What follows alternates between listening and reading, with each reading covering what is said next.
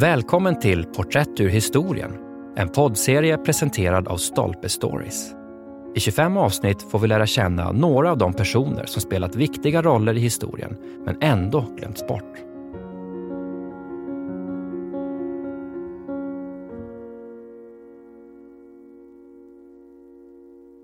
Heinrich Bieber, ytans och extasens kompositör. Av James Hardy. Det är tack vare sin ökänt svåra musik som violinisten och kompositören Heinrich Ignaz Franz Biebers namn aldrig helt föll i glömska.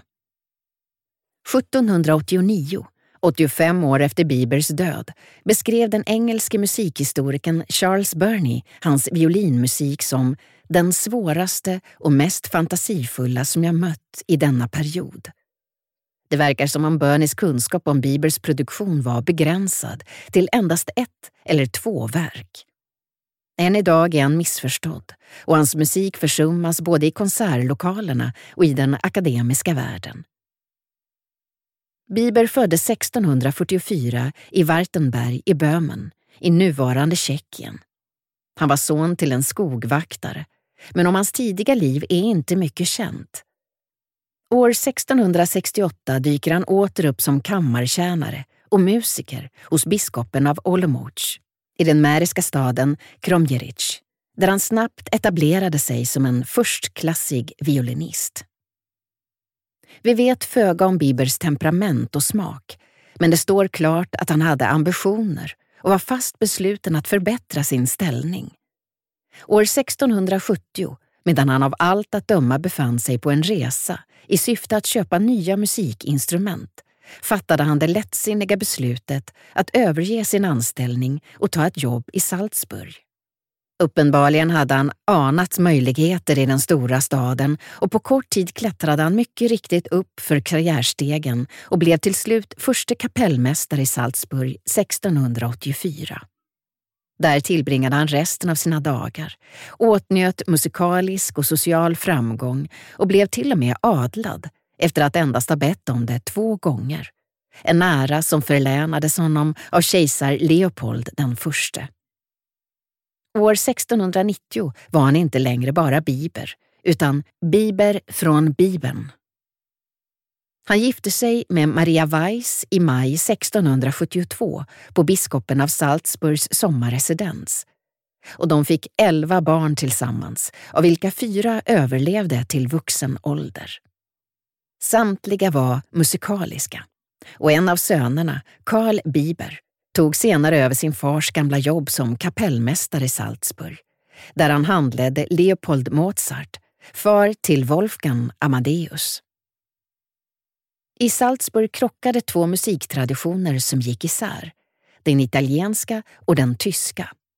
Bieber gjorde inte lika omfattande resor som många andra musiker i sin generation, men han hade utan tvivel öra för detta inflöde av stilar och en förmåga att införliva och förena dem med sina egna verk.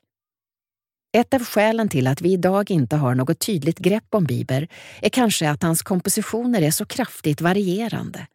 Han gjorde många tonsättningar av mässans, rekviernas och vesprarnas musik, komponerade exceptionell och exceptionellt svår instrumentalmusik med en spännvidd från det satiriska till det andliga och skapade i början av 1690-talet Salzburgs första opera, Arminio. Därutöver finns det enligt The New Grove Dictionary of Music and Musicians mer än hundra förlorade verk som vi sannolikt aldrig kommer att få höra. Batalja, ett stycke skrivet för tio stränginstrument, är anslående med sina uttrycksfulla och dramatiska effekter som Bieber åstadkom med hjälp av vad man idag skulle kalla utvidgade tekniker.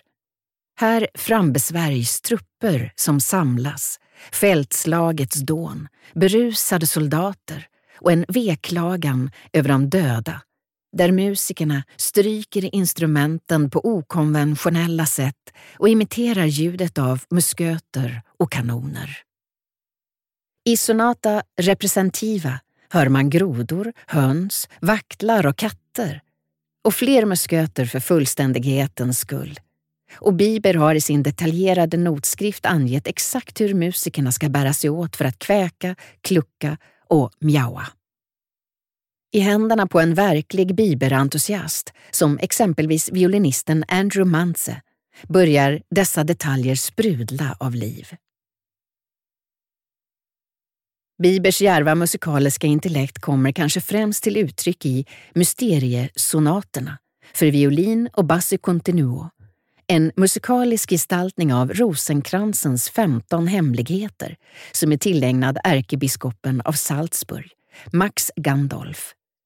I dessa sonater använder Bieber tekniken scordatura, omstämning av strängarna, Istället för att stämma violinen i G-D-A-E som brukligt är, nyttjar Bieber olika stämningar i alla de 15 sonaterna.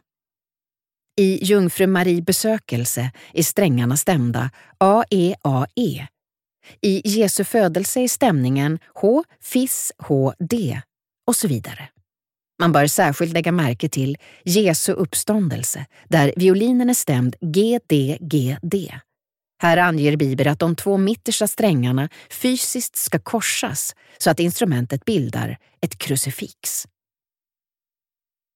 Som avslutning på verket skrev Bibeln monumental passacaglia, förmodligen det första stycke för helt ensam violin som någonsin skrivits.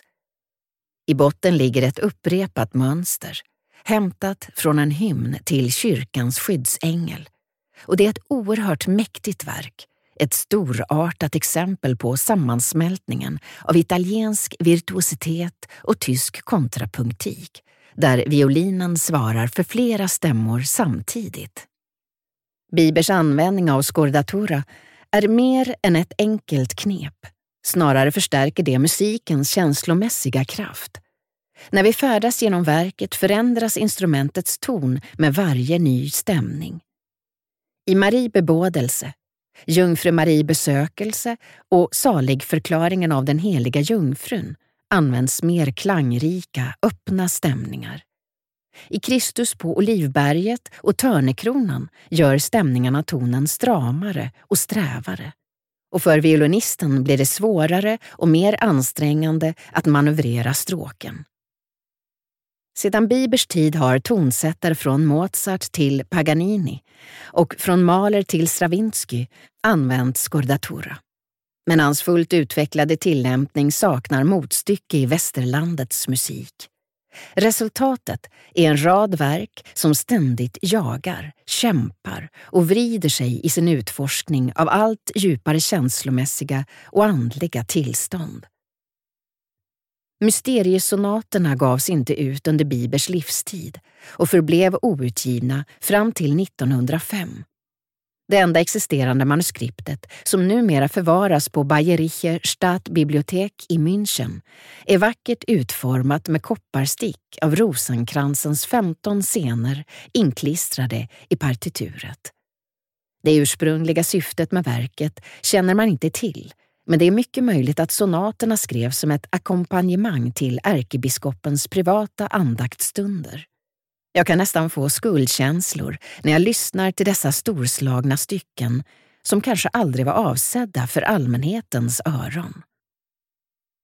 I andra änden av skalan befinner sig Bibers monstruösa Missa Salisburgensis för 53 röster det största av de verk han skrev för det enorma konsertrummet i Salzburgs domkyrka med körer, ensembler och orglar utplacerade genom hela byggnaden. I stor utsträckning enligt venetiansk modell.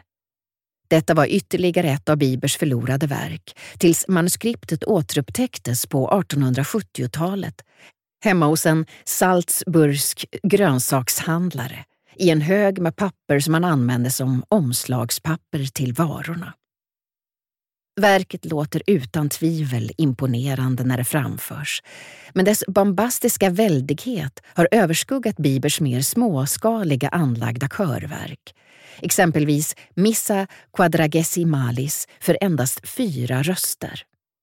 Eller det mindre av hans båda rekvier. Det senare som skrevs cirka 1692 är emotionellt drabbande men också okaraktäristiskt återhållet i det expressiva registret. Bieber hemfaller till mer allmängiltiga retoriska åthävor, texturskiftningar och underfundigt ordmåleri med en särskilt stämningsmättad beskrivning av vredens dag. Utöver musiken är dedikationerna det enda sättet att få någon egentlig inblick i Bibers karaktär. Självklart är dessa fulla av smickrande ord om hans uppdragsgivare. Men det finns ett intressant uttryck som dyker upp här och var. Fidem in fidibus, eller förtröstan på fiolerna. Denna underbart ordvitsande maxim tycks på pricken fånga Bieber och hans famnande av både högt och lågt, heligt och profant. Han var en outsider som tog sig in i värmen på sitt eget sätt och hade modet att vara innovativ när han väl hade sitt på det torra. Idag är det på sin plats med ett erkännande av denna unika musikaliska begåvning som lyckades gestalta såväl katolicismens hänförande teater som en djurskaras yra beteende. James Hardy är konsertarrangör och producent och bosatt i Norfolk. Han skriver regelbundet i Reaction Weekend.